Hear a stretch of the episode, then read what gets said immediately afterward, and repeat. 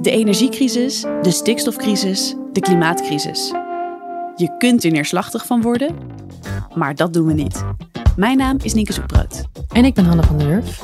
En dit is De Klimaatkwestie, de groene podcast van Trouw. Samen onderzoeken we wat er speelt en wat we doen om ervoor te zorgen dat de aarde niet vergaat. Wil je iets doen voor het klimaat, dan is er één ding dat zo voor de hand ligt dat iedereen er meteen over begint. Ik zou eigenlijk met de trein moeten gaan en dan wordt het vaak gevolgd door, maar ik pak toch het vliegtuig. Iedereen lijkt het wel te willen, vaker met de trein reizen, maar toch lukt het niet altijd. Hoe kunnen we de internationale trein terugkrijgen?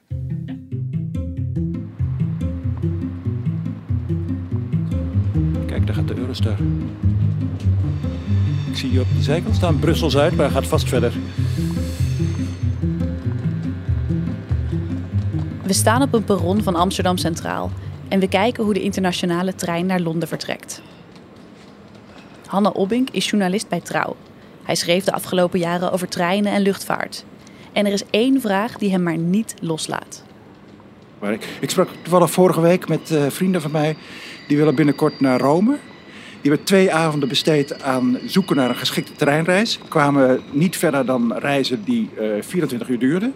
En toen eh, werden ze, waren ze zo moedeloos geworden dat ze toen dachten... nou ja, dan maar met het vliegtuig hadden ze binnen 10 minuten een ticket voor uh, een derde van de prijs. Nou ja dat, is, ja, dat is ook de hele goedwillende reiziger... die heel graag uh, aan het klimaat denkt als hij reist. Ja, die komt er gewoon niet uit. En dat is onuitstaanbaar. Hoe kan het dat het zo lastig is om met de trein naar het buitenland te reizen?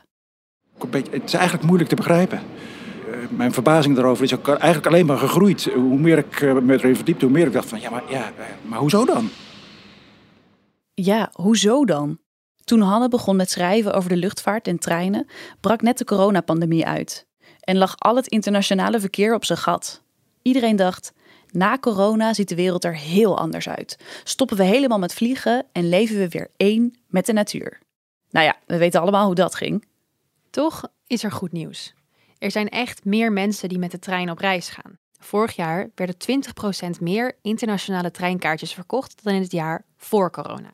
Lekker bezig. En ook pakken nog steeds minder mensen het vliegtuig dan voor de pandemie. Maar tegelijkertijd, dat aantal stijgt wel. En waar gaan al die mensen naartoe? Niet heel ver, blijkt. Want al jaren staat bijvoorbeeld Londen in de top populairste bestemmingen vanaf Schiphol. Londen, een stad waar een prima trein naartoe rijdt.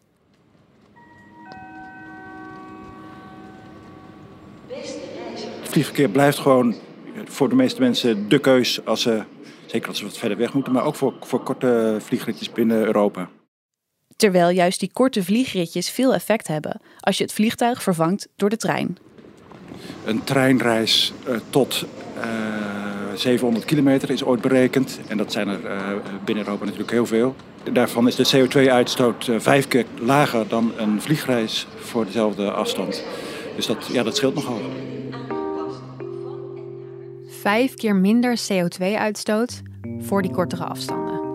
En het mooie is, bijna 40% van alle vluchten die vanaf Schiphol vertrekken, zijn voor die korte vluchten. Naar dus steden als Londen, maar ook Berlijn en Parijs. Steden waar je ook met de trein kan komen. In theorie kun je dus veel en gemakkelijk CO2-uitstoot besparen. Maar dat is de theorie. Zullen we ons gewoon eens even proberen? Nou, Oké, okay. pak mijn telefoon er even bij. Kijken of we zeg, een week van nu een, uh, een treinticket kunnen vinden naar Kopenhagen. Eerst maar gewoon heel simpel, treinticket Kopenhagen. Nou, daar vind ik een trein die om vier voor negen vertrekt en uh, om acht voor negen s'avonds aankomt. Dus uh, 11 uur en 56 minuten zes keer overstappen. Zo. Voor, dat is dan op zich nog wel een meevaller, 70 euro. Ik moet overstappen in Almere Centrum, Groningen, Leer, Oost-Friesland, Bremen, Hamburg en Fredericia. Waarbij je dan ook de mazzel moet hebben dat je elk van die overstappen haalt. Want er zitten ook overstaptijden bij, zag ik net, van zeven minuten. Dus ja, dat is op zo'n internationale reis een beetje een risico voor de rest van je reis. Omdat uh, uh, je niet automatisch met het ticket dat je hebt een trein later mag nemen. En dat is natuurlijk ja, dat is, uh, bloedirritant. En stel dat we nu um, even kijken hoe het met het vliegtuig gaat. Nou, Kopenhagen bezig met zoeken. Vanaf Eindhoven 90 euro, vanaf Amsterdam 137. Dan heb je dus een retour. Okay, en die andere, het was een enkeltje? Een enkeltje. Dan kun je bijvoorbeeld om vijf uur vertrekken en om tien voor half zeven aankomen. Dat is dus een uur en twintig minuten. Ja, dat, uh, nou ja, dat scheelt dus, uh, wat is het, tien uur en uh, veertig minuten. En zes keer overstappen.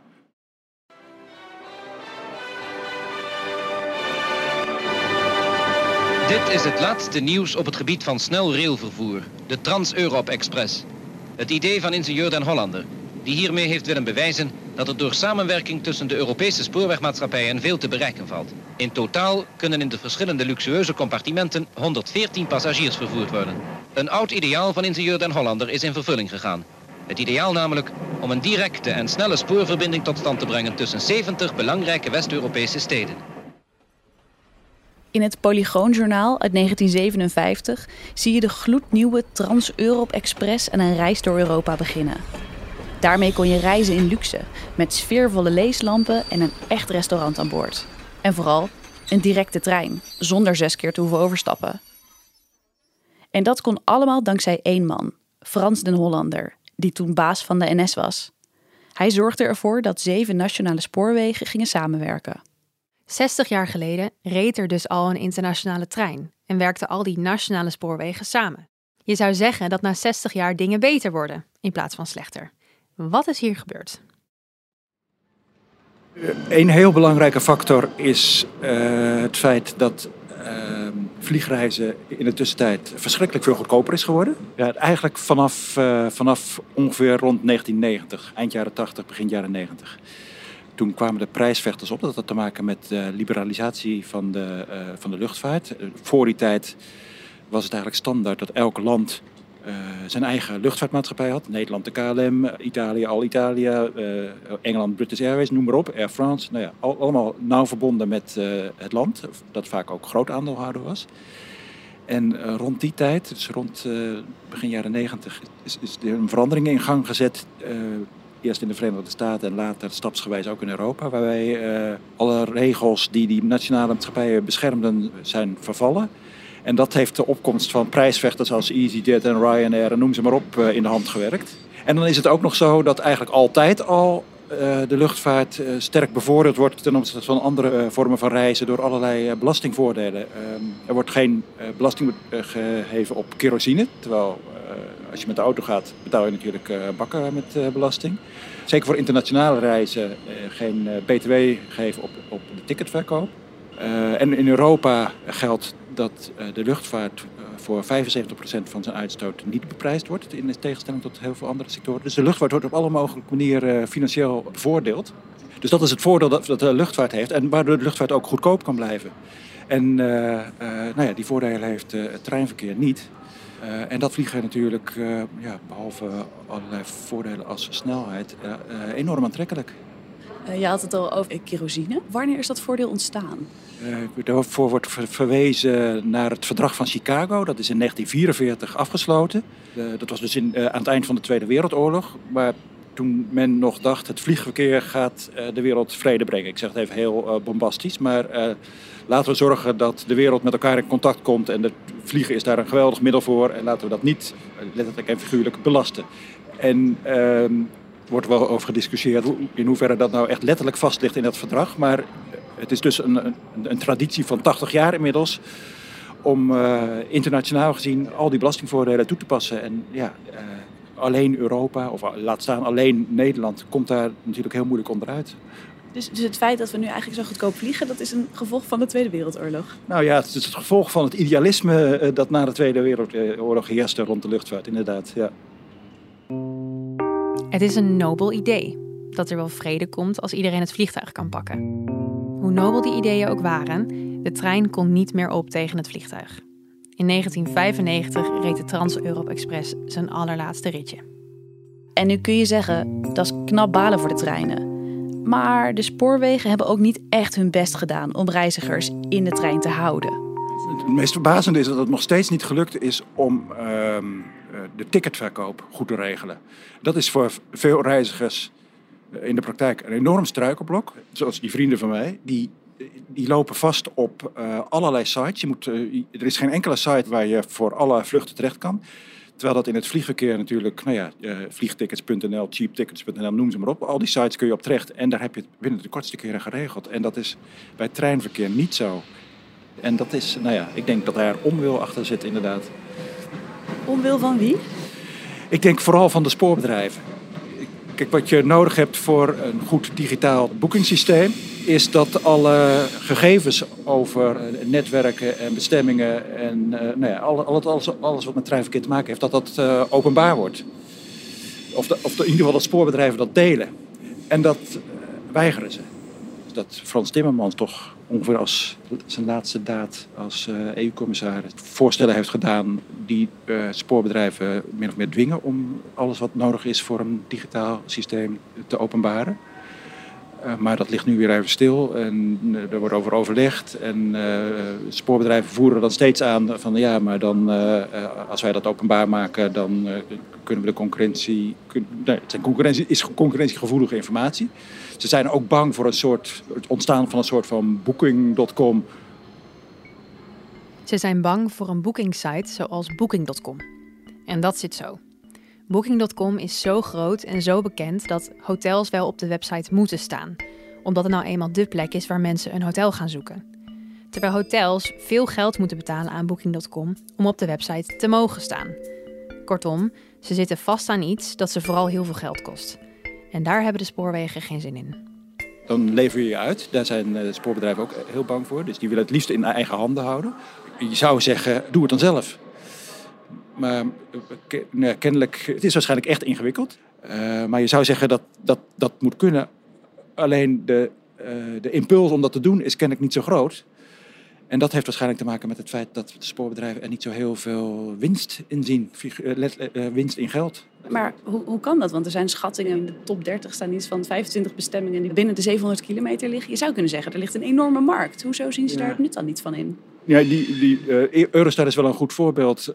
eh, die Eurostar naar Londen en ook naar Parijs trouwens. Want dat zijn goed bezette lijnen waar Eurostar inderdaad dikke winst op haalt. Ehm, maar het verhaal is ook dat die, die treinen rijden een paar keer per dag en zitten vol. En Eurostar is het niet te doen om zoveel mogelijk reizigers, maar zoveel mogelijk winst. Dus met die volle treinen kan de prijs ook hoog blijven. En met eh, meer treinen ha- halen ze misschien wel meer passagiers, misschien wel minder winst. Dus eigenlijk gaan ze, als ik jou hoor, gaan ze, kiezen ze voor schaarste, zodat ze de prijzen hoog kunnen laten. Nou, dat, dat geldt voor, eh, voor Eurostar. En dan, zeg, dan zeg ik, druk ik het vrij lelijk uit, maar daar komt het misschien toch wel op neer. Maar voor de grote nationale, of- voorheen nationale eh, spoorwegmaatschappijen, nou ja, die moeten het hebben van het binnenlandse spoorvervoer. En de extra winst van het internationale treinverkeer is voor hen eh, ja, vrij marginaal. Dus om daar nou heel veel moeite voor te doen met, met betrekkelijk weinig opbrengst, ja, dat, dat, eh, kennelijk hebben ze er tot, tot nu toe niet voor over. Internationale treinkaartjes leveren spoorbedrijven kennelijk te weinig op om zelf een goed boekingssysteem te maken. En zolang vaker rijden niet automatisch zorgt voor meer winst, doen ze dat ook niet. Maar er is hoop. Er zijn een paar nieuwe bedrijven die wel meer internationale treinen willen laten rijden. Vooral op het gebied van nachttreinen komt weer het een en ander los. Gewoon kleine ondernemingjes, enthousiastelingen vaak, spoorenthousiastelingen die denken, ja maar dit kan toch zo niet. Je hebt bijvoorbeeld European Sleeper, dat eh, nu naar Berlijn en Praag eh, rijdt. Nou, die, dat zijn twee eh, treinenthousiastelingen die daar jaren aan gewerkt hebben om spoor eh, eh, gereserveerd te krijgen, om eh, rijtuigen te regelen. En eh, nou ja, dat is dan nu in het voorjaar eindelijk gelukt. Maar goed, dat is dan één trein, één, één verbindingje naar Praag. Nou, nog eentje. Ja, die gaat naar, deze gaat eh, waarschijnlijk naar Wenen.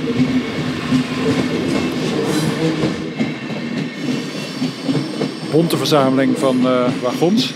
Ook geen toeval. Ook geen toeval zeg je? Nou, eh, eh, dat, is bijvoorbeeld het verhaal van de European Sleeper, die nachttrein die ik net noemde, naar, naar Praag. Die uh, moest ook materieel zien te vinden en heeft dus her en der vrij oude wagons opgekocht of, of geleased of gehuurd. Ja, en dat, daar zijn ze zelf nog niet helemaal tevreden over, want je ziet het eraf af dat het oude meuk is. Maar ja, ook dat is niet in overvloed aanwezig en het kost natuurlijk ook bakken met geld. Dus, in december zei een nieuw Nederlands bedrijf, GoVolta, dat ze extra treinen gaan laten rijden. Eerst naar Berlijn, Parijs en Basel en in 2025 ook naar Kopenhagen. De reis duurt wat langer, maar de tickets moeten veel goedkoper worden. En ze zijn niet de enige. Ook Arriva en Qbus, die nu op sommige trajecten in Nederland rijden, willen internationale reizen gaan aanbieden.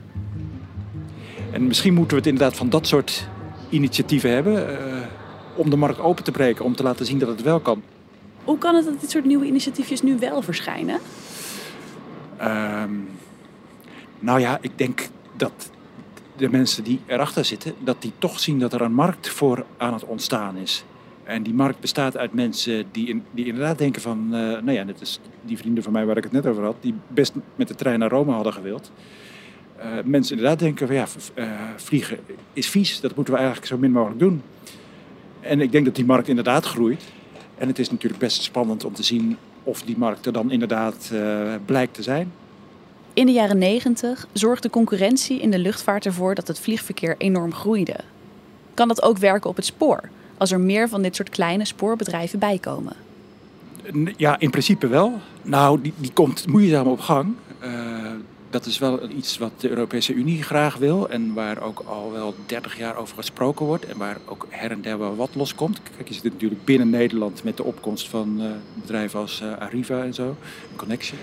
Um, dus de Europese regels schrijven wel voor andere bedrijven uh, ook moeten kunnen rijden. Maar daar moet er ook, ook, altijd nog ruimte voor gevonden worden op het spoor. Nederland, Nederland heeft het, het drukst brede spoorwegnet van Europa, of van de wereld misschien zelfs. Uh, dus dat betekent dat, dat er gewoon weinig ruimte is om extra treinen te laten rijden van, van andere vervoerders. Vandaar ook dat het makkelijker is om een, nachttrein van de grond te krijgen, want daar s'nachts is er wel ruimte op het spoor voor. Maar uh, de gevestigde spoormaatschappijen zitten daar niet op te springen, om het zachtjes uit te drukken. De, de NS en zo. De NS en de SNCF en de Deutsche Bahn, et cetera. Maar ze zijn in de aller, aller, allereerste plaats voor het binnenlandse treinverkeer. En dat is natuurlijk ook de realiteit. Ik bedoel, uh, ja, denk aan de NS en dan denk je niet aan uh, een reis naar Berlijn. Dan denk je aan een reis van, uh, nou ja, naar, je, naar je ouders in Enschede. Het nationale belang gaat altijd voor op het spoor. Of het nu Nederland, België of Spanje is. En dat die internationale trein er vaak zo lang over doet, dat komt dus ook door nationale belangen. Dus als je meer snelheid wil, dan moet je het vooral zoeken in betere aansluitingen en minder stops. Weet je, de trein naar Berlijn, uh, die stopt voordat hij de grens overgaat ook nog in, uh, nou hou me te goed, ik weet het niet precies, maar uh, Deventer, Hengelo, Amersfoort, verkeerde volgorde. En dan, ja, dat is fijn voor de mensen die in Amersfoort willen overstappen, maar het houdt de boel wel op. Je zou 1 à 2 uur sneller in Berlijn kunnen zijn als je een hele hoop van dat soort stops zou schrappen. Ja, en daar, daar, daar, speelt trouwens ook dan weer dat uh, nationale belangen uh, van invloed zijn. Want ja, de NS vindt het fijn om ook in Amersfoort en Deventer en Enschede te stoppen. Ja, dus je ziet hier weer eigenlijk dat het nationale belang botst op nou ja, meer een Europees internationaal belang om snel van de ene grote stad in de andere grote stad te kunnen belanden. Dus van, van de nationale treinmaatschappij hoeven we het in die zin niet te hebben. Maar wie, wie kan hier nou wel iets aan doen? Nee, nou, het laatste wat je, wat je zegt, dat klopt, klopt zeker. Ik, ik, ik hoorde wel eens een hoogleraar transportbeleid over uh, gesproken. Die zei, ja, als je het van de nationale maatschappij had moeten verwachten, dan had dat al lang moeten gebeuren. Dus daar moeten we het niet van verwachten. Nee, ik denk inderdaad dat uh, uh, het van de Europese Unie moet komen.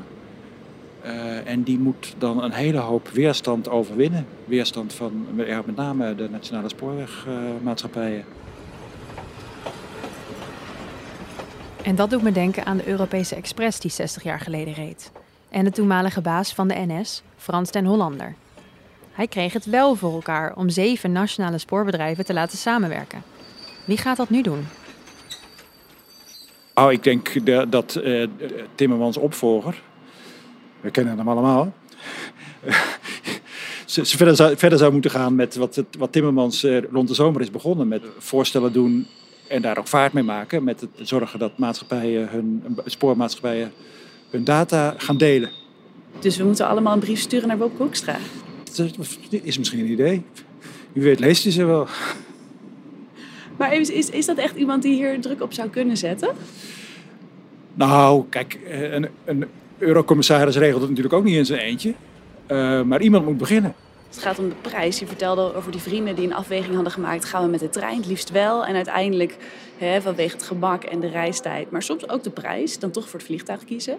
Enerzijds kun je zeggen, het treinkaartje moet goedkoper worden. Maar je zou ook kunnen denken, oké, wat als vliegen en treinreizen... als de prijs ongeveer even duur wordt? Ja, dat is een hele terechte vraag. Sommige landen zijn wel bezig met uh, vliegtax. Nederland heeft ook uh, de vliegtax net iets verhoogd. Maar dat is allemaal nog vrij marginaal. En eh, kijk, de meest logische stap is, we willen dat al die uh, belastingvoordelen die de luchtvaart geniet, geschrapt worden. Ik bedoel, er is natuurlijk eigenlijk geen enkele reden te bedenken waarom de luchtvaart niet voor kerosine belasting hoeft te betalen. Terwijl elke automobilist, als hij staat te tanken, wel belasting afdraagt. Dat is, gewoon, dat is, ja, dat is eigenlijk gewoon vrij absurd. En verder uh, zou binnen Europa de vrijstelling van het prijzen van CO2-uitstoot uh, aangepakt moeten worden. Elk bedrijf mag CO2 uitstoten tot een bepaalde hoeveelheid. En de rechten op die CO2-uitstoot uh, verhandelen. Dat is, nou dat is dus een handelssysteem geworden. Um, maar de luchtvaart krijgt, krijgt 75% van die rechten gratis. Andere bedrijven daar veel meer moeten betalen. En dat heeft te maken met het feit dat iedereen ziet dat de luchtvaart heel moeilijk uh, uitstootvrij te maken is. En er wordt wel gesproken over dat die 75% uh, omlaag moet. Dat, dat gaat ook gebeuren. Daar liggen voorstellen voor, ook in Europees verband. Nou ja, en dat, dat zal dan ook uh, de ticketprijs beïnvloeden. En dan rem je de groei van de luchtvaart waarschijnlijk ook af. En op dit moment zijn de prijzen voor de luchtvaart, zou je kunnen zeggen, nou, zeg ik eigenlijk gewoon, niet eerlijk. En dat, dat zet het spoor op grote achterstand. Begin het bij? Als we even een stappenplan maken, wat moet er 1, 2, 3, 4, 5 gebeuren? Ja, meteen uh, de, de, de, spoordata onderling gaan uitwisselen en uh, digitale ticketverkoop uh, stukken makkelijker maken. Nou ja, dat is ook vast makkelijker gezegd dan gedaan, maar uh, absoluut niet onmogelijk. Dit was de Klimaatkwestie, de groene podcast van Trouw. Deze aflevering werd gemaakt door Nienke Zoetbrood en door mij, Hanne van der Wurf. Veel dank aan Hanne Obbink, redacteur bij Trouw. Hij schreef de afgelopen jaren over transport en schrijft sinds kort over een ander onderwerp, de huizenmarkt. Het Polygoonjournaal kwam van het Nederlands Instituut voor Beeld en Geluid en de mixage werd gedaan door George Paul Henneberken. Eindredactie was in handen van Charlotte Verlauw. Als je dit een fijne aflevering vond, het helpt ons ontzettend als je sterren geeft in je podcast-app. Zo kunnen meer mensen de klimaatkwestie vinden.